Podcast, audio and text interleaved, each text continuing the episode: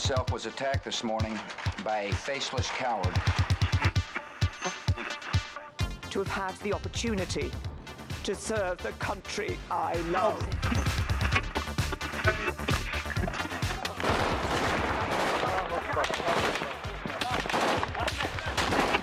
Den Einsatz für Frieden und Freiheit in Deutschland, in Europa und in der Welt. We will southern border. I beg you, please do not fail on this.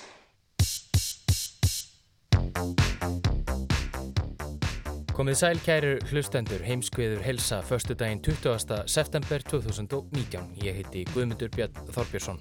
Og ég heiti Birta Björstóttir. Hér fjöllum við að vanda um það sem gerist ekki á Íslandi. Eldarnir í regnskóum Amazon í Suður Ameríku, aðalega í Brasilíu, hafa vakið meiri aðtikli nú en oft áður. Eldar hafa reyndar brunnið í skóunum árum saman, ímist af mannavöldum eða af náttúrulegum orsökum. En nú eru ávegjur manna meiri af áhrifum eldana á loftslag heimsins. Og svo er það pólitíkin. Fósiti Brasilíur harðlega gaggrindur fyrir að hafa dreyið úr aðgerðum stjórnvalda til að venda skógin, líkt og Hallgrímur Indriðarsson segir okkur frá.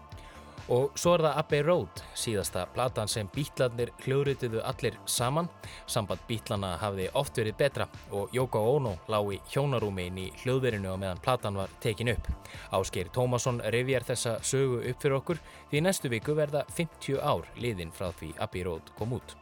En við byrjum á máli málana, dróna árásum Írana, eða Jemena, það fyrir eftir því hverju þau trúið, á ólíuvinnslustöðvar í Sáti Arabíu. Málið er sem ólíja á eld milliríkja deilu bandaríkjana og Írana. Guðmundur Björn tekur nú við.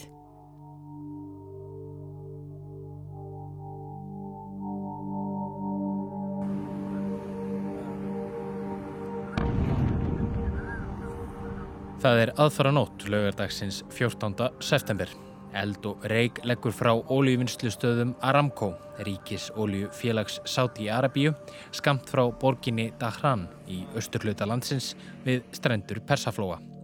Aramco er eitt stærsta fyrirtæki heims, sé miða við veldu á áskrundvelli. Samkvæmt viðskiptaða tímaritinu Fortune er Aramco með sjöttu mestu heldarveldu fyrirtæki á heimsvísu. On any given day, we're working really hard to make the most of every single drop of oil that we produce. En á síðasta ári voru heldartekjurnar 355 miljardar bandarækjadólara eða sem nefnur rúmlega 40.000 miljardum íslenskra króna á núverandi gengi. Engin smávegis velta það. We are ready for the future. Já, Ready for the Future segir í nýleiri auglýsingu frá Aramco, tilbúin fyrir framtíðina. Svo framtíð er þó ekki eins björt, skörð eru komin í múrin eins og Megas sagði. Ætlam á að heldar tekjur Aramco verði eitthvað minni á þessu ári, þar sem ólíja og eldur fara ekki vel saman. Eldurinn sem logaði í tveimur ólíuvinnslustöðum Aramco í Abaqík og Kurais, skamt frá Dahran, þar sem höfðustöðar Aramco eru, er sankallað áhyggju efni, þótt slökkulismönnum hafi tekist að ráða niðurlögum hans nokkurum klukkustundum síðar og enginn hafi látist í eldsvoðanum. Á einni nóttu hafiði óljuframlegsla Sáti-Arabíu nefnilega minkað um helming. Til að setja þetta í stærra samhengi þá minkaði óljuframlegsla alls heimsins þessa nótt um heil 5%. En Sáti-Arabia er stærsti óljuútflutjandi í heiminum og óljubyrðir landsins eru 16% af óljubyrðum alls heimsins.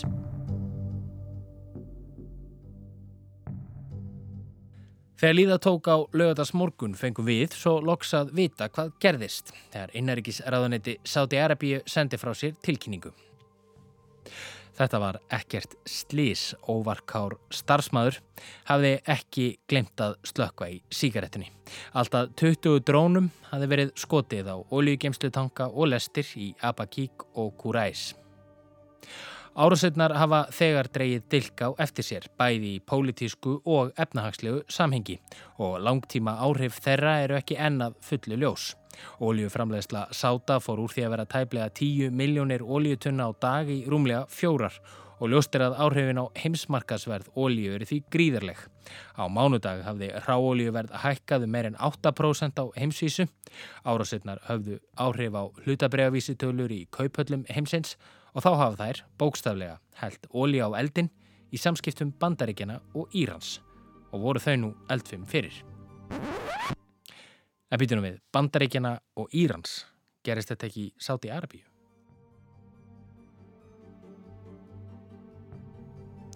Jú, þeir heyrðu rétt, Bandaríkjana og Írans þótt þetta hafi gerst í Sáti Arbíu og þótt jemensk uppreysnar reyfing hafi líst árásónum á hendur sér. Þetta er snúin flétta og líklega best að byrja á byrjuninni. Morgunin eftir árásetnar barst tilkynning frá uppreysnarfylkingu Húta í Jemen, nágrannaríki Sáti Arbíu. Hútar segjast hafa staðið fyrir árásunum og segja þær mótvægisaðgerð gegn hernaðar engripum Sáta í Jemen. The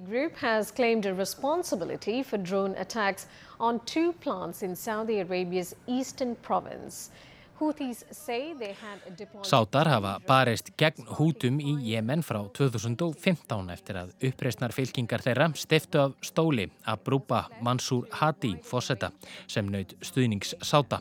Sátar hafa réttlætt loftárásir og önnur hernaðar engripp í Jemen með því að þeir vilji koma á réttlátri alþjóðlega viðukendri ríkistjóðni í Jemen.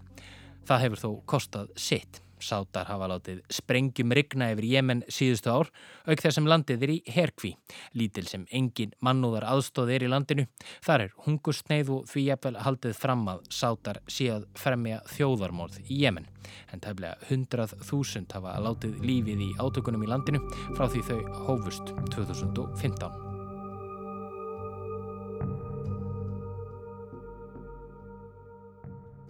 En er þetta ekki vísa sem við höfum heyrt áður klassísk hendaraðgerð lítilmagnans úr launsátri, deilur tvekja þjóða sem búa við ólík kjör, ólíkan vopnakost, Davíð og Góliat. Engur skildi ætlað málin eruðu list, sáta og jemena á milli með tilherrandi blóðsúthællingum á meðan heimurinn fylgist með af mátulegum áhuga. En þetta er vist ekki alveg svona einfalt og þetta máli er alls ekki aðeins á milli Jemena og Sáti Araba. Í raun hafa þessar þjóðir haft sig lítið í frammi eftir árásina. Því fljótlega fór atbyrðarásin að snúast um samskipti tveggja annara ríkja, Bandaríkjana og Írans.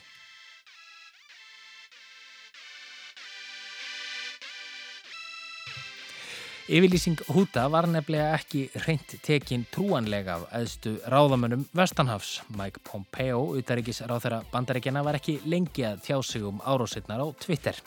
Hann saði þar engan vafa leika á því að árósitnar á óljumistu stöðar Aramco væri runnarundan revjum Írana. Stjórnvöldi Teheran bæri á ábyrð á næri 100 árásum á sáta síðust ár. Á sama tíma á þau segðust vilja eiga í líðræðislegum og opnum samskiptum. Árásinnar á Aramco ættu sér engin fordæmi. Það er væru ekki aðeins árásir á Sáti Arabíu heldur á orgu byrðir alls heimsins. Engar haldbærar sannanir væru fyrir því að árásinnar hefðu verið gerðar frá Jemen. Liz Cheney, þingmaður republikana, tók í sama strengi viðtali við NBC á lögadagsmorgun. It's a very it's a very significant escalation. Uh, and, and I would say we got to do several things. First of all, I would say we should deny the visas for the Iranian delegates who are planning to come into the United States, come to New York. Cheney vill þó ganga enn lengra og sjá til þess að íranskir ráðamenn þar á meðal fórsetin og utarikis ráðara landsins fáið ekki að koma til bandaríkjana í næstu viku þegar allsherjarþing saminuð þjóðana kemur saman í New York og sá sem öllu ræður í kvítahúsinu, Donald Trump fósetti, hótaði Írunum öllu illu í kjálfarið. Bandaríkin væri við öllu búinn og ríkistjónin byði nú staðfestningar á því að Íranir hefðu gert árásinnar áður en næstu skrefiriðu ákveðin. Þá hétt hann sátt í arabískum stjórnöldum aðstóð við að verjast frekari árásum. Það verður að segjast að grunur ráðamanna í bandarækjunum er ekki alvegur lausu lofti í gripin og áður en við höldum lengra skulum við staldraðins við akkurat þetta. Hvers vegna beinist grunur bandarækjumanna að Írunum? Byrta? Sko, samskipti Írana og Sáta hafa í raun alla tíð verið mjög, mjög erfið. Alla tíð? Bara frá upphæðu siðmenningar? Í næstum því já. Deilur þessar að tveggja stórvelda með Östurlanda er í raun hægt að rekja allalegið aftur til Múhameð Spámans en meir hluti Írana eru síamúslimar á meðan sátar eru að mestureiti sunnimúslimar. Emitt sem í mjög stuttumáli má skipt upp þannig að sunnítar trúa því að Múhameð hafi verið síðasti spámaður Guðs en um leið veraldlegur liðtói múslima og við því kepli hafi tengdasónur hans tekið Þegar hann var myrtur var svo til þessi klopningur á milli þeirra sem við nú kallum Sunnita og Sita, annars vegar þeirra sem telja að Ali, tengdasónurinn, hafi verið andlegur arftaki Múhammes og Sunnita sem segja eftirmann hans ekki hafa tekið við þessu andlega spámars hlutverki, svona í stuttumáli. Já, akkurat. Og þessi ágreiningur, hann hefur markað margar deilur í muslimaríkjum eins og við þekkjum og ekki síst deilur á milli Sáta og Írana. Til dæmis þegar bandaríkin réðust inn í Írak 2003 og stiftu Saddam Hussein af stóli voruðu ekki aðeins að ráðast inn í Írak heldur einnig steipa af stóli sunni muslima sem var harður andstæðingur Írana. Þetta gerði það verkum að sítar náðu völdum í Írak og hafa áhrif Írana í Írak því vaksið æg síðan, þvert á geð sáta. Og stríði Sýrlandi, það hefur sömulegis verið þrætöfli þjóðanleiksa. Jú, heldur betur. Íranir stiðja við bakið á Assad fósetta og með stuðningi Írana og rússa hefur Assad tekist að bróta á bakaftur mótstöðu uppreysnahópa í landinu sem eru stuttir af sátum. Sátar leggja mikið kapp á að koma í veg fyrir írönsk áhrif í Sýrlandi.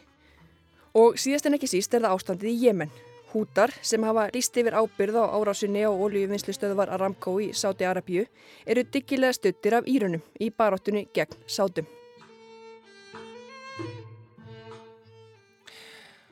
Þetta er þá komið í einhvern ring hútar í Jemen segjast hafa framið árasetnar en þeim er ekki trúað að einhverju leiti vegna þess sem Byrta var að segja. En stjórnöldi Íran kannast ekki við að hafa neitt með árasetnar að gera og hafa varað bandarækjumenn við því að landið væri tilbúið í stríð gegn þeim að þeir haldi þessum ásökunum áfram. Man, uh,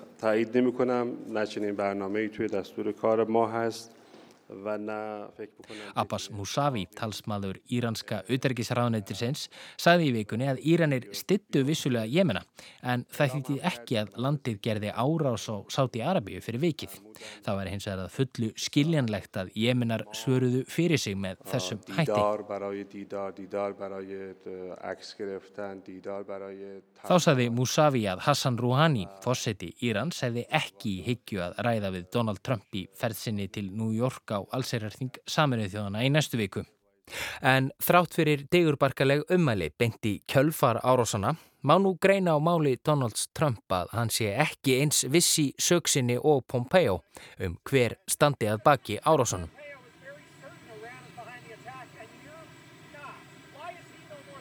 I think we're the same. I think we just want to find out the final numbers and see.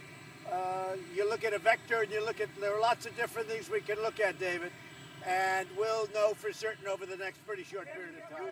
Kanski sá hann að sér hver veit fósettin vill nefnilega í lengstu lög forðast stríð við Írani.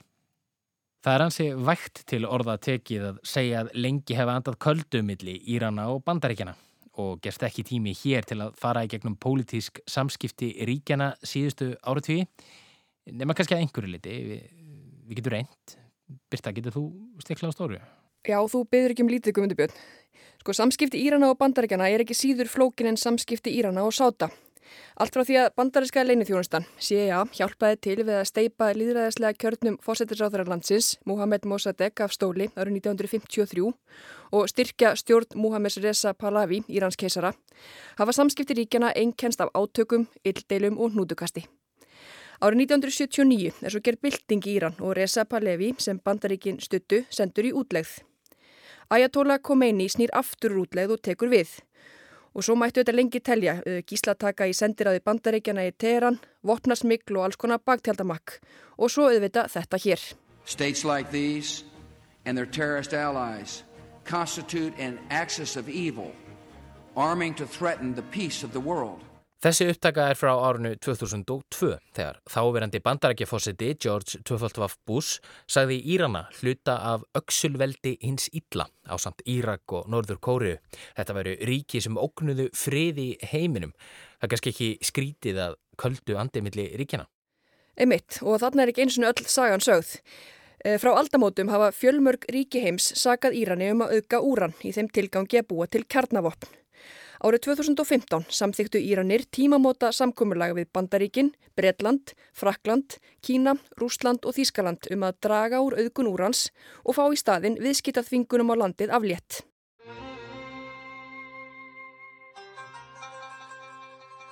En í mæ á síðast ári dró Donald Trump Bandaríkin út úr samkommurlæginu og kom aftur á viðskita þvingunum á Íran sem á þau lönd sem stunda viðskipti við Íran. Síðan þá hafa samskipti ríkjana vestna til muna. Nú síðast í júni skutu Íranir niður bandaríska dróna yfir Hormúsundi fyrir miskáning að sögn Írana. En bandaríkjumenn hafa lengi verið að dadra við strísátök gegn Írunum þó það hafi hingað til meira verið í orði en á borði ekki satt. Jú, og auðvitað beitt þessum viðskiptaþingunum. Stjórnvöldum í bandaríkunum er allavega mjög tíðrætt um þennan mikla óvinn sem Íran er og þá ringja nú kannski viðvörunabjöllur hjá einhverjum sem munna eftir ástöðunum sem gefna voru fyrir innrásin í Írak á sínum tíma. Stríðið gegn hriðiverkum var þá auðviti í algleimingi eftir 11. september 2001 og bandarækjaman áttu harma að hefna. Þeir voru búin að láta sverfa til stárs í Afganistan. En þrátt fyrir að engin árásamannana á tvíbjöruturnana væri frá Írak og að ríkistjórnin hefði enga tengingu við Al-Qaida var talið nöðsynlegt að ráðast inn í Írak og koma Saddam Hussein frá völdum. Hann hefði komið sér upp gerðingavopnum sem getur ratað í hendur hriðiverkamanna og væri því hættilegur heimsfríði. Þessu var haldið á lofti þrátt fyrir að niðurstöður vopna eftirlit sveita saminuðu þjóðuna stittu ekki þá niðurstöðu að Saddam ætti þessi vopn. Það var svo mál margra íraskra fjölmjölamanna að eina byggingin sem bandrækji herr vaktaði sérstaklega við innrásina í Bagdad hafi verið óljumála ráðunetið. Ólja, efni þessa pistils, er líklega rauður eða þá svartur þráður í deilum ríkjana um yfiráð og völd, en það til mikils að vinna eins og verðmæti framleiðslu Aramco sína glögt. Þannig að samskipti Írans og bandaríkjana eru reynd ekki góðum þessar myndir og það eru heldur ekki samskipti Írana og Sáti Araba. Á miðugudag dróð til frekari tíðinda í þessu flókna máli þegar varnarmálaráðunetti Sáti Arabíu staðfesti grun Mike Pompeos. Það færi ekki að milli mála að drónarnir sem sprengtu ólíuvinnslu stöðarnar væru frá Írunum komnir. Það hefði rannsókn Sáta og leifum drónana leitt í ljós. بحجم كبير يستهدف إمدادات الطاقة العالمي وأيضا يستهدف Kól Turki al-Maliki, talsmaður varnarmála ráðunettisins, sagði að drónunum hefði verið skotið úr norðri og það fær ekki á milli mála að þeir væru íranskir. En væri þó verið að rannsaka hvaðan drónunum var nákvæmlega skotið. Þessu neyta Íranir áfram stafaslega, nú síðast Hassan Rouhani, fórseti landsins. باور کنید قدرت ملت ها رو باور کنید Rúani segir árásina fyrst og fremst svar Jemenan við því ofbeldi sem sátar hafi beitt þá undan farin ár. Það hafi ekki verið jemenska þjóðin, heldur sáti í Arabia sem hafi hafið það stríð sem sé nú í Jemen og lagt landið í rúst. Það hafa sátar gert með stuðningi bandaríkjana, segir Rúani og bendir á að það skjóti skökku við að engin sperri eirun þegar Donald Trump viðurkenni að sátar hafi greitt bandaríkjunum 400 miljardar bandaríkjadólar á síðasta ári en allt fara á hliðina þegar jemennar síni viðbröð við því ofbeldi sem þeir séu beittir. En er ekki komið á reynd hver það var sem skaut drónunum að óljuvinnslu stöðum Aramco og hver ber raunverulega ábyrð á þeim. Bandarækjumenn og sátar segja eitt, Íranir og Jemenar segja annað. En eitt er ljóst, Íranir taka ásökunum sáta og bandarækjumanna ekki af léttúð og heldur ekki beinum eða óbeinum hótunum Donald Trump og Mike Pompeo um að greipið gæti verið til hernaraðgerða gagvart Íran. Svo geta í farið að meiriháttar stríðsátök séu í vendum. Svo segir allavega Javad Zarif, uthærikiðsráð þeirra Írans, í samtali við Nick Walsh, fréttamann CNN. What would be the consequence of an American or a Saudi military strike on Iran now? An all-out war. You make a very serious statement there, sir. Well, I make a very serious statement about defending our country. I'm making a very serious statement that we don't want war. We don't want to engage in a military confrontation. We believe that a military confrontation based on deception is awful will have a lot of casualties, but we won't blink to defend our territory. Sarif segist ekki vilja stríð en það sé ljóst að Íranir hafi ekki hyggju að láta það óátalið sé fullveldi þeirra ógnað með einhverjum hætti. Now they want to pin uh, the blame on Iran in order to achieve something and that is why I'm saying this is agitation for war uh, because it's based on lies, it's based on deception. Ásaganirnar eru byggðar á legum, segir Sarif ennfremur og verið sé að kenna Íran um eitthvað sem landið beri ekki áberð á. Hann bætti því við að stjórnöldi Íran væru reyðubúin að ræða við bandarækjastjórn en skilir því fyrir því sé að viðskiptaþingunum við Íran verði aflétt, þingunum sem Trump kom sjálfur á. Aðalfundur allsæraþings saminuð þjóðana verður í New York í næstu viku Að öllu óbreyttu verða Hassan Rouhani og Javad Zarif meðal þáttakenda að því gefnið að þeir fái vegabrefs áreitun og að því gefnið að hitin í þessu máli haldist svona nálagt söðumarki en ekki sjóði upp úr. Því ef upp úr síður og bandarækjumenn hefja með einhverjum hætti árás á Íran er ljóst að það erðu bæði hörð og langvinn átök. Do they want to fight Iran until the last American soldier? Is that, is that their aim? Because if that is the aim, they can be assured that this won't be the case. Why? Because Iran will defend itself.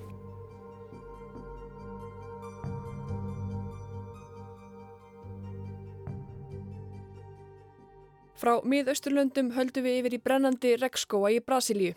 Hallgrímur Indriðarsson veit meira.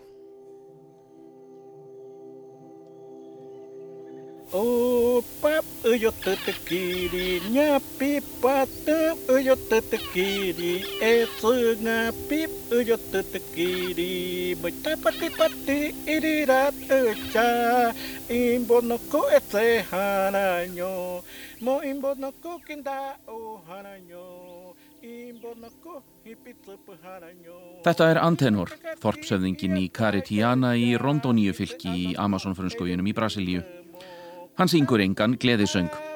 Í tekstanum segir meðal annars Ef þú badar þig í á langt í burtu, ef þú badar þig í á í nágrenninu, ef þú badar þig í fossi, finnst þér þú vera skítugur af menguðu vatni. Það er ekki til meira af hreinu vatni, hollum ávöxtum eða góðu kjöti. Nú er jörðin ekki frjó, skóarnir eru fallnir og heiminin er ekki lengur blár. Hver er að drepa okkur? Við sjálf. Þó að þetta sé kannski dramatískur teksti, endur speiklar hann ágætlega hvernig íbúum regnskóana líður. Og þar er skóareldum að mestu um að kenna, en þeir hafa blossað upp sem aldrei fyrir í sumar. Wow! Haldi af! Hér heyrðum við í fréttamanni í Danska Ríkisútarsinn sem var þarna á ferð og var gáttaður á hversu miklir eldarnir voru. Það eru norður og austurhluti skóana í Brasilíu sem hafa orðið verst út í eldinum. Fylgin Rondónia, þaðan sem við heyrðum söngin áðan, og Róræma hafa orðið verst úti. Fjöldi elda þar hefur meira en tvöfaldast frá sama tíma í fyrra. Acre og Amazonas hafa einnig mist tölvert af skólendi í eldunum og í síðastnemda héræðinu var líst yfir neyðarástandi. En hvers vegna er þessi skóur svona mikilvægur? Margir hafa talað um skógin sem lungu jarðar, þar sem 20% súrefnis sem framleitt er á jörðinni komið úr skóginum. Meira að segja Emmanuel Macron fósetti Fraklands tók sér þessi orði í munn þegar hann gaggrindi aðgerðarleysi brasilískra stjórnvalda þegar kemur að eldunum eins og komið verður nánar að síðar. Ingi Björg Svala Jónsdóttir, professor í vistfræði við Háskóla Íslands, segir að þetta sé miskilningur hann náttúrulega er afskaplega mikilvægur. En uh, það talaði um að hann sé að framlega svo mikið súrefni, hann framlega súrefni. En málið er það að uh, hann er líka nýta súrefni. Þannig að í stórum dráttum þá er þetta bara hérna, er jafnmægi á framlegslu súrefnis og neyslusúrefnis vegna þess að þessar lífveru sem að uh, lifa í, í þessum, þessum merkilega visskerfi það er anda líka og til önduna þá þurfa það súrefni. Þannig að það er með, svona nokkur neði jafnvegi kannski er hægt að telja til einhverju örfá prósendu aukningar á súrefni út af þessu skói en, en uh, í stónadráttin þá er þannig jafnvegi Mikilvægi skóarins er annað og mögulega meira. Í þessum 50 miljón ára skói sé mikil lífræðileg fjölbreytni Þarna sé að finna tíundu hverja tegund sem skráð hafi verið. Mennirni séu mjög háðir þessari fjölbreytni. Þá segir Ingebjörg Svala að mikið kólefni berist út í andrumsloftið með eyðingu skóarins.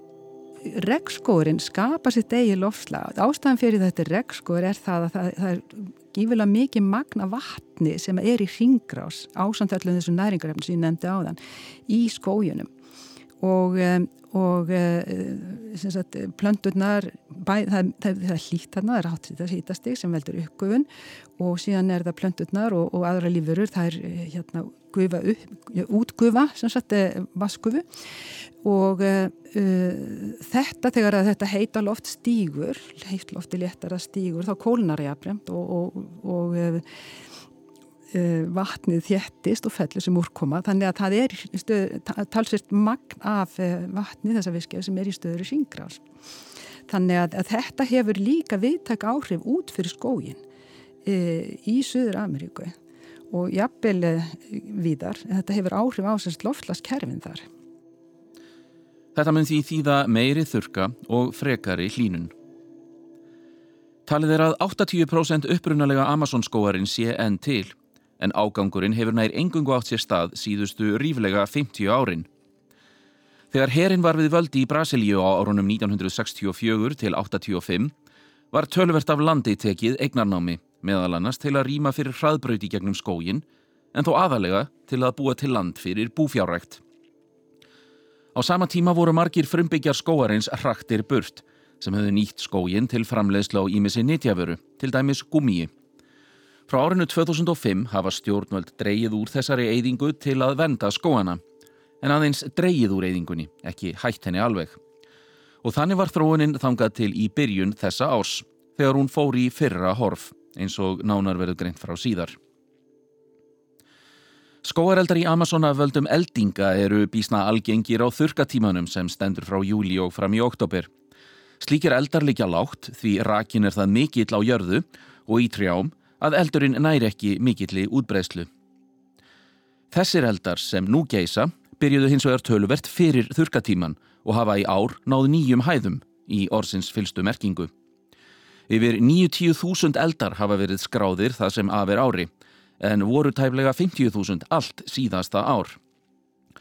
Eldarnir voru fleiri fyrir tíu árum en svæði sem brann var mun minna og þeir voru að mestu raktir til mikill að þurka á svæðinu, ekki til ágangsmannana.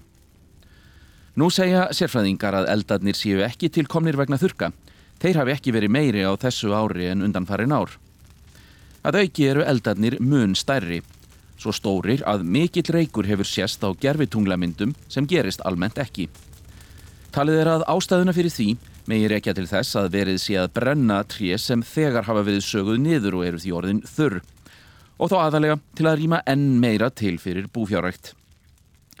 Til marksum hversu miklir eldarnir voru var nánast myrkur um hábjartan dag í klukkutíma í São Paulo í byrjun mánadarins þegar vindurinn bar reikin yfir borgina.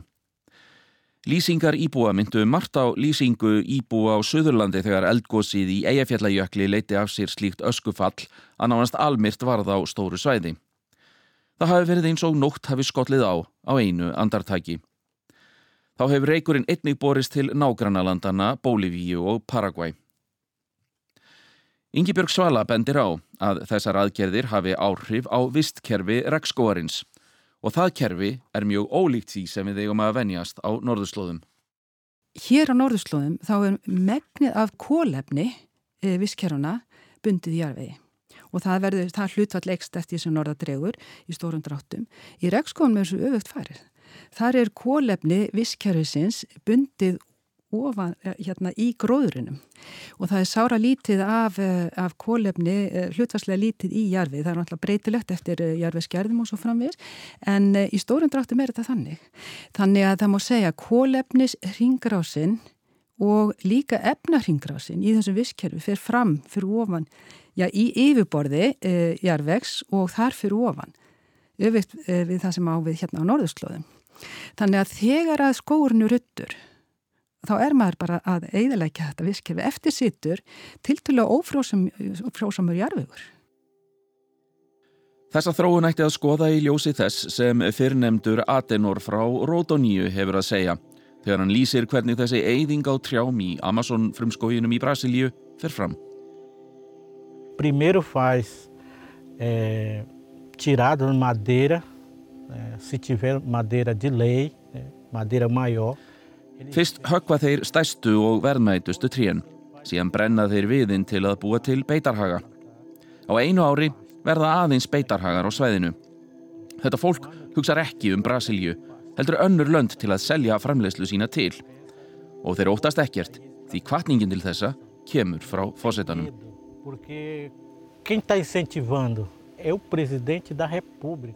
Hér talar sem sagt einn af þeim sem hefur dreyið fram lífið í skóginum með því að nýta það sem skórin hefur upp á að bjóða. Mælingar sína að eyðing Amazon skóana hefur snar aukist eftir að Jair Bolsonaro tók við fósetaðinbættinu í byrjun þessa árs, sem þar kannski ekki að koma á óvart. Hann hafði lofað þessu í kostningabaróttunni og aflað með því stuðningsbænda sem teljað of mikið af Amazon-svæðinu hafi notið vendar.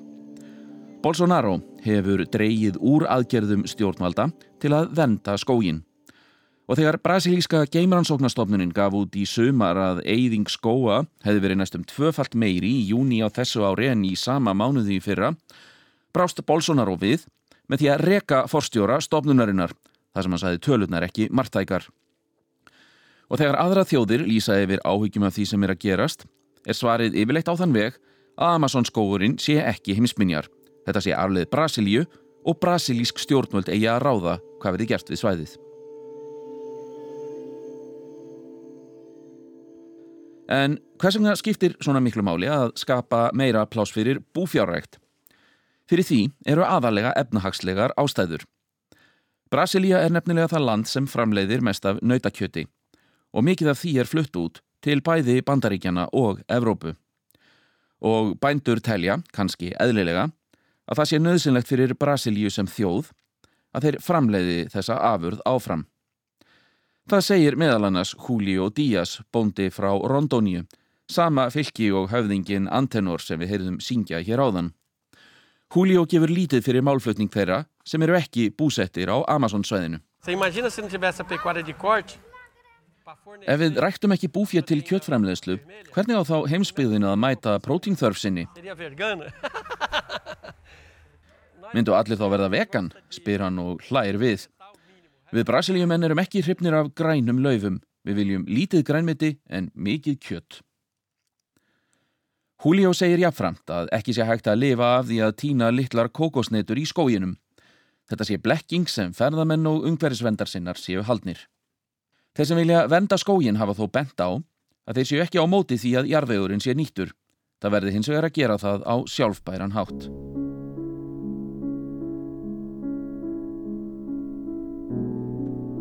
Þetta er staða sem Bolsonaro vissulega erfiði þegar hann komst til valda. En gaggrínin sem hann hefur fengið er að hann hafi gengið oflánt í að riðja niður skógi.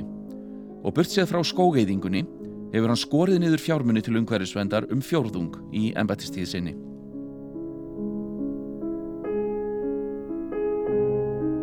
Vegna þrýstings frá umhverfisvendarsinnum setti Bolsonaro þó á 60 daga bann við að kveikja slíka elda auk þess sem hann þáði fjórar flugvélar frá ríkistjóninni í Chile til að berjast við eldana. G7-ríkin buðu síðan Bolsonaro aðstóð upp á 22 miljónir dollara, jafnveg 2,7 miljardar króna, á fundi sínum í ágúst. Emmanuel Macron, fósetti Fraklands, kynnti áætlun sem fóli sér að slökka fyrst eldana og reyna svo að endurhengta þann skó sem hefði tapast og venda það sem hann kallaði lungu heimsins. Eins og Ingi Björg Svala skýriði áðan er slík nafngift byggð á miskilningi þó að rétt sé að skóurinn sé mikilvægur fyrir líf á jörðinni. Makrón var hins vegar ómyrkur í máli gagvart Bolsonaro eftir að hann hafði reyndar sagst virða brasilísku þjóðina og fullveldi hennar. J'ai vu une première fois, il m'a dit la main sur le cœur, je vais tout faire pour la reforestation et l'engagement des accords de Paris pour pouvoir signer le Í fyrsta sinn sem ég hitti Bolsonaro sagði hann með mikilli innlifun Ég mun gera allt til að byggja upp skógin og fylgja Parísasáttmálanum svo að við getum staðfest frífæslunarsamningin við Európusambandið. 15 dögum síðar var hann farin að reka vísindamenn. Það má segja að hann hafi ekki sagt mér sannleikan, saði Emmanuel Macron. Macron gaf jafnvel í skinn að viðræðum um frívaslunarsamningin sem er milli Európusambandsins og fimm söðuramenninguríkja verði hægt ef Brasilia breytti ekki um stefnu í málefnum skóharins. Loftslagsmál séu þess eðlis að enginn geti sagt að þetta sé ekki sitt vandamál. Bolsonaro var afar ósáttur við þessi umæli Macrons og sagði hann hafa móðgað sig. Olha só, primeiramente, o senhor Macron deve retirar os insultos que ele fez à minha pessoa. Primeiro me chamou de mentiroso. E depois, as informações que eu tive... Þegar Bolsonaro var spurður um þetta bóðum aðstóð frá G7-ríkjónum, saði hann Fyrst þarf Macron að taka tilbaka móðgun sína í minn garð, þar sem hann segir að ég sé ligari. Og samkvæmt upplýsingum sem ég hef fengið, saði hann að sjálfstæðu okkar væri opið í málefnum Amazon. Þannig að til að taka þátt í viðröðum eða þykja nokkuð frá Fraklandi, þarf hann að draga þessi orð sín tilbaka. Þá getum við rætt saman.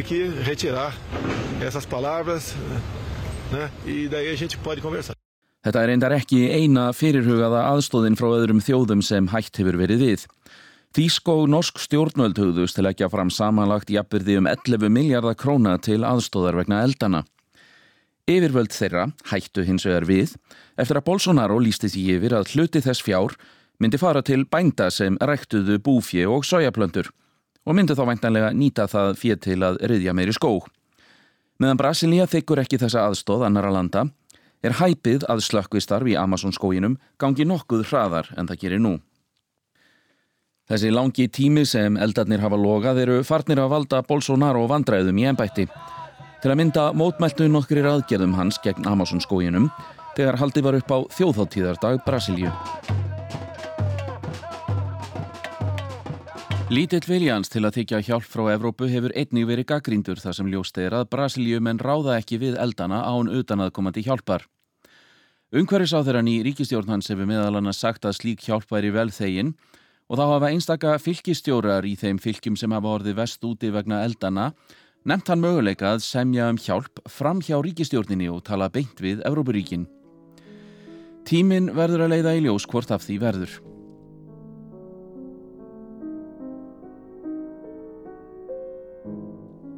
Fylgi Bolsonaros í skoðanakönnunum hefur einning farið minkandi en eins og fram hefur komið hér að framann á hann sinn trausta stuðningsmannahóp.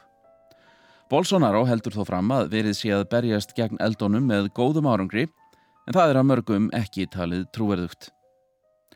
Eldarnir hafa meira að segja endurspeiklað átökmiðli trúarhópa Einn erkibiskupa katholsku kirkjunar hefur líkt eldunum við Ragnarök og gaf í skínað sjálfur Frans Pávi myndi mótmæla aðgerðarleysi í eldunum. Ekki er víst að þetta hafi nokkur áhrif á Bolsonaro þar sem hann hefur sinn stuðning frá mótmælendum sem eru fjölmennari í Brasilíu og hafa þar að auki ekkert við starfshætti fósettans að aðtöða.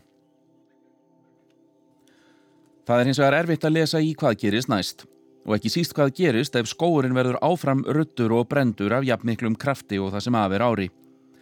Vísindamenn hafa þegar líst yfir áhyggjum af áhrifum skóareyðingarinnar á lífriki þar. Ekki aðeins á gróðurinn heldur líka fuggla og fisktegundir sem lifa í Amazonfljótinu. Þetta eru röggréttar áhyggjur því þessar líferur þurfa súrefni og ef það mingar og aðeins koltvísýringur kemur í staðin, dregur það úr lífslíkum þessara lífera og þá þar afliðandi úr lífræðilegri fjölbreytni. Reyndar vil höfðingin Antenor frá Rondoníu meina að veður fari í skójunum sé þegar farið að breytast. Áður hafi allt verið í góðu jafnvægi, rigning á ákveðnum tíma og sólinn skein á ákveðnum tíma. Nú sé þetta ekki lengur raunin. Það verði ekki lengur lífvænlegt eftir tíu ár ef allir hugsa eins og Bolsonaro. Vísendamenn hafa reyndar um nokkur skeið varað við því að skóurinn gæti mögulega tapað sjálfbærni sinni. Og þetta á reyndar við um fleiri regnskóa. Því tveggja ára almenn rannsókn á slíkum skóum gaf þá nýður stöðu að regnskóar væru farnir að losa meira kólefni en þeir binda. Eins og Ingeborg Svala saði áðan er vatn í stöður í ringrás í skóginum og áhyggjurnar eru verulegar af því að frekari eyðing hafi slæm áhrif á þessa ringrás. Í versta falli gæti þetta leitt til endalegrar eyðingar Amazon. Þó að eyðingi sé mjög hröð og hafi verið umfangsmikil, þá er enn hægt að snúa við. Það er enn hægt að snúa við. Og þá halda heimskviður yfir til Bretlands, nánar tiltekið í Abbey Road hljóðverið þar sem bítlarnir hljóðrituðu samnemnda plötu fyrir 50 árum síðan. Gerðu svo vel Áskir Tómasson. George Harrison flytur hér bút úr pröfu upptöku af lægi sínu Something, einni helstu skraut fjöður plötunar Abbey Road. Hún var svo síðasta sem hann hljóðritaði á samt félögum sínum í hljómsveitinni sem yðurlega var kölluð Bresku bílarnir í hér í ríkisútvarpinu. Á fymtudaginn kemur, 27. september, eru liðin 50 ár frá því að hún kom út í Breitlandi. Laugin á Abbey Road voru hljóðrituð í EME hljóðverinu við göttuna Abbey Road í Lundunum frá april og fram í ágúst 1969. Fyrra á árinu unnu bílarnir að annari plötu sem um síður var nefnd Let It Be. Samkominlag fjórmenningana var vægast sagt hörmulegt. George Harrison gekk út, hvaðst vera hættur og sner ekki tilbaka fyrir en hinnir þrýr höfðu fallist á ímis skilirði sem hann setti fram. Næri veru upptökustjórans George Martins sem hafði verið við stjórnvölin allt frá árinu 1962 var ekki óskað. John Lennon hvaðst vera búin að fá sig fullsattan af vinnubröðum stjórans. Það kom George Martin því á óvart þegar Paul McCartney ringdi í jannum miðjan april 69 og spurði hvort hann væri til í að stýra gerð einnar bítlaplötu í viðbót. Eftir erfileikana við gerðlettið bí bjóst Martin við að hljómsveitin væri búin að vera. Hann hvaðst þó vera tilbúin í eina plötu í viðbót en einungis ef fjórmenningarnir fjallust á að vinna hana með gamla læginu. Er John samþykkur því, spurði Martin. Já, í alvöru svaraði McCartney. Let It Be was such an un unhappy record, really, even though there's some great songs on it. I really thought that was the end of the Beatles, and I thought I would never work with them again. And I thought, what a shame to go out there like this. So I was quite surprised when Paul rang me up and said, we're going to make another record. Would you like to produce it? And my immediate answer was, only if you let me produce it the way we used to. And he said, we, we, do, we do want to do that. I said, John included? He said, yes, honestly. Svo mikið lág á að byrja á plötunu að einungi Stjón Lennon og Paul McCartney mættu til starfa fyrstu dagana á samt upptökumönnum. George Harrison var erlendis og Ringo Starr við upptökur á bíómyndinni Magic Christian. Fyrsta verkefnið var að hljóðritalagið The Ballad of John and Yoko eftir Lennon. Höfundurinn sá um allan gítarleik á samt fyrir að syngja lagið. McCartney leik á trommur og jafnframt á bassa. Einn upptökun maðurinn orðaði það svo að umskiptin hafi verið algjör frá því að Let It Be var tekin upp. Gömlu félagarnir hafi greinilega notið þessi botn að vinna saman við að koma læginu saman. Standing in the dockets of Hampton Trying to get to Holland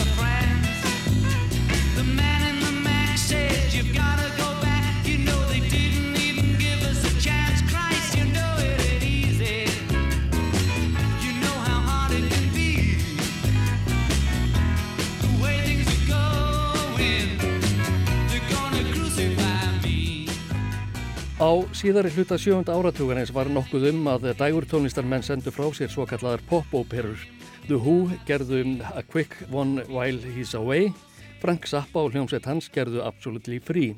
The Small Faces voru með Happiness Stan og Keith West sendi frá sér Expert from a Teenage Opera, svo að nokkur verk séu nefnd. Og þá er verðt að geta rock-óperunar Tommy með The Who sem kom út með að bítlarnir voru önnum kapnir við að hljóðrita Abbey Road. Tommy var tímamótaverk sem laði línurnar fyrir rock-óperur framtíðarinnar.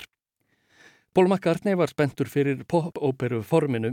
Hann stakk upp á að þeir John Lennon legðu nokkra lagabúta í pútkið og skeittu saman í litla svítu eða sirpu, eins konar pop-óperu. Lennon leist vel á hugmyndina þótt hann segði síðar að hún hafi verið glötuð. Skeitt var saman átta lagabútum þannig að úrvarð 16 mínútna sirpa. Sumir bútarnir voru glæð nýjir, aðrir voru endur vinsla af lögum sem ekki höfðu komist á fyrir plötur hljómsveitarinnar. Lennon greindi frá þessari sirpu hugmynd í bladaviðtali. Hann sagði að þeir McCartney væru í miklu stuði um þessar mundir og færu létt með að semja 20 lög á dag, hvor, ef þeir getu gefið sér tíma frá annari vinnu. En því miður væru afkostin sannlega ekki meir en 12 lög á dag. Reyndin var hins vegar svo að meira en þrýr mánuður liðu frá því að Lennon kom með Ballad of John and Yoko þar til næsta lag hans var kynnt í leiks Come Together.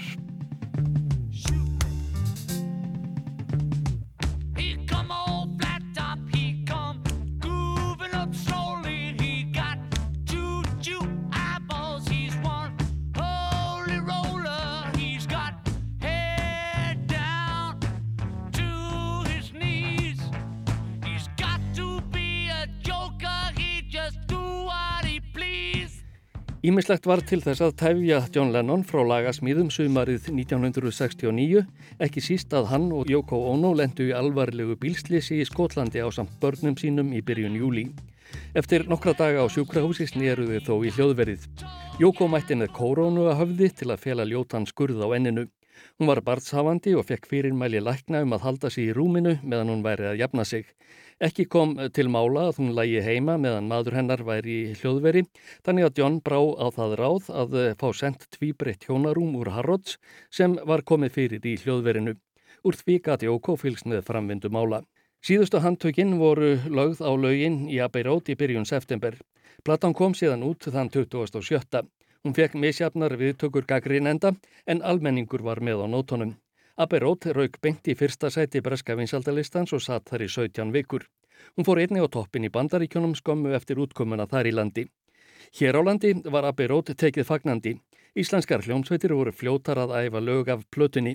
Einn þeirra, Júdas frá Keflavík, létt sig ekki muna um að flytjana nánast alla á unglingadansleiki Sigtúni við Östurvöll réttum mánuði eftir að platan kom út. Magnús Kjartansson var aðal söngvar í Júdasar. Við vorum nú þannig í þá daga við spiluðum ekki nema það sem okkur fannst skemmtilegt. Bítlaplöturnar voru nú orðna nokkrar þarna áður en Abbey Road kemur út og það var alltaf jafn spennandi en það sem var svona mest spennandi í raun og veru var sko hvað þurfti maður að hlusta ofta á plötuna til þess að vera búin að aðlaga sig henni af því að bílarnir eh, frétti ég svo laungu setna gerðu í því að búa til nýjan hljóðheim á hverju blödu og uh, Abbey Road hefur alveg sinn sérstakar hljóðheim. Bílarnir voru einnig almennt ánaðir með útkomuna þar á meðal Ringo Starr. Hann sagði einhverju sinni í viðtali að þegar hljómsveitin væri spennt fyrir lögum sem hún var að vinna að, yrðu þau spennandi. Þá skipta ekki máli þótt fjórmenningarnir aðtyrtu hver annan, með gott efni í höndunum yrði árangurinn þúsund prósent. I think it shows on the record that when we were excited, the track's exciting, you know. All comes together. It doesn't matter what we're going through as individuals. You know, on the bullshit level. When it gets to the music, when you can see that it's really cool, we all put in the thousand percent. Magnús Kjartansson segist ekki muna eftir neinum veikum punktum á Abbey Road plötunni. Það er úi og grúi reyndar af eh, nokkuð sundurulöysum lagahugmyndum. Dyr John Lennon og Paul McCartney hafi haft ólíkar hugmyndur um lögin sem áttu að rata á plötuna. Lennon hafi viljað hafa þau með alvarlegum undirtóni og svo McCartney að vera sko þetta mótvægi við hann og svo Joss Harrison að reyna að koma sínum lögum á framfæri sem að mér finnst að hefði mátt vera miklu meira af í gegnum tíðina því að hann er alltaf, maður er alltaf að sjá það meir og meir hvað hver einast að nota hjá hann var útöksuð allt tímabilið og getur ykkur en ekki að hafa verið öðruvísi. Í bókinni Song Pictures, setna bindi nýra ræfisugu George Martins, kemur inn mitt fram hversu undrandi hann varð þegar George Harrison kom með lægið Something til hljóðrítunar á Abbey Road. Þar þóttunum nafni sinn hafa tekið stort stökk fram á við sem lagahöfumdur og ekki mingaðu undrun hans við lægið Here Comes the Sun sem hann taldi að það hafi markað þáttaskil á höfundarferðli gítarleikarans. Here comes the sun, here comes the sun, I say it's alright. Little darling, it's been a long, cold, lonely winter. Little darling, it feels like years since it's been here. Here comes the sun. Here comes the sun kom aldrei út á smáskifu í Breitlandi eða Bandaríkjunum. Þegar iTunes webtónlistarveitan fekk að bjóða lög bítlana til sölu árið 2010 reyndist það að vera svo vinsælt að það fór í 14. sæti á bandaríska vinsaldalistanum og í 58. sæti á þeim breska. Dótt gaggrínendur kvörtuði yfir einu og öðru á Abbey-Road-plutinni voru þeir flestir sammála um að George Harrison hefði sínt þar stórstígar framfærir sem lagahöfundur. Nafni hans Martin var einnig ánaður með útkomuna.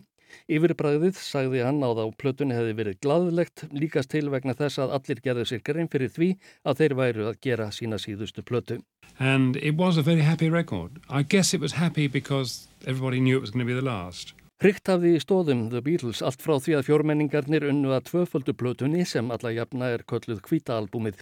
Ástandið fór stöðut verstandi og sex dögum fyrir útkomu Abbey Road tilkynnti John Lennon að hann vildi skilnað eins og hann orðaði það. Ákvarðan hans var haldið leindri þar til Paul McCartney tilkynnti í april árið eftir að hann ætlaði ekki að vinna meira með sínum gamlu félögum. Hann sagði í viðtali löngu síðar að það væri svipað að vera í hljómsveit og herrþjónustu. Eitt daginn færu brúðkaups klukkurnar að klingja, menn gengu í hjónaband og færu að hegða sér eins og venjulegt fólk. I remember thinking of it like army buddies. We, we, one of the songs we used to love in the past was Wedding Bells. Those wedding bells are breaking up that old gang of mine. And this idea that you've been army buddies, but one day you have to kiss the army goodbye and go and get married and act like normal people. Samstarfi Bílana lauk samsagt í september 1969 en upptökustjórin þeirra átti eftir að vinna við að lagfæra og endur hljóðblanda Bílalög út starfsferilinn. Þegar honum lauk tók sonur hans, Giles Martin, við keflinu og er enn að. Tilstóð að lagið The End yrði loka lagið á plötunu Abbey Road. Fyrir tilviljum fekk lagabúturinn Her Majesty þó þann heiður þar sem það passaði hverki inn í lagasirpuna góðu. En við skulum enda þessa upprifjun á sungnakablanum úr The End. And in the end,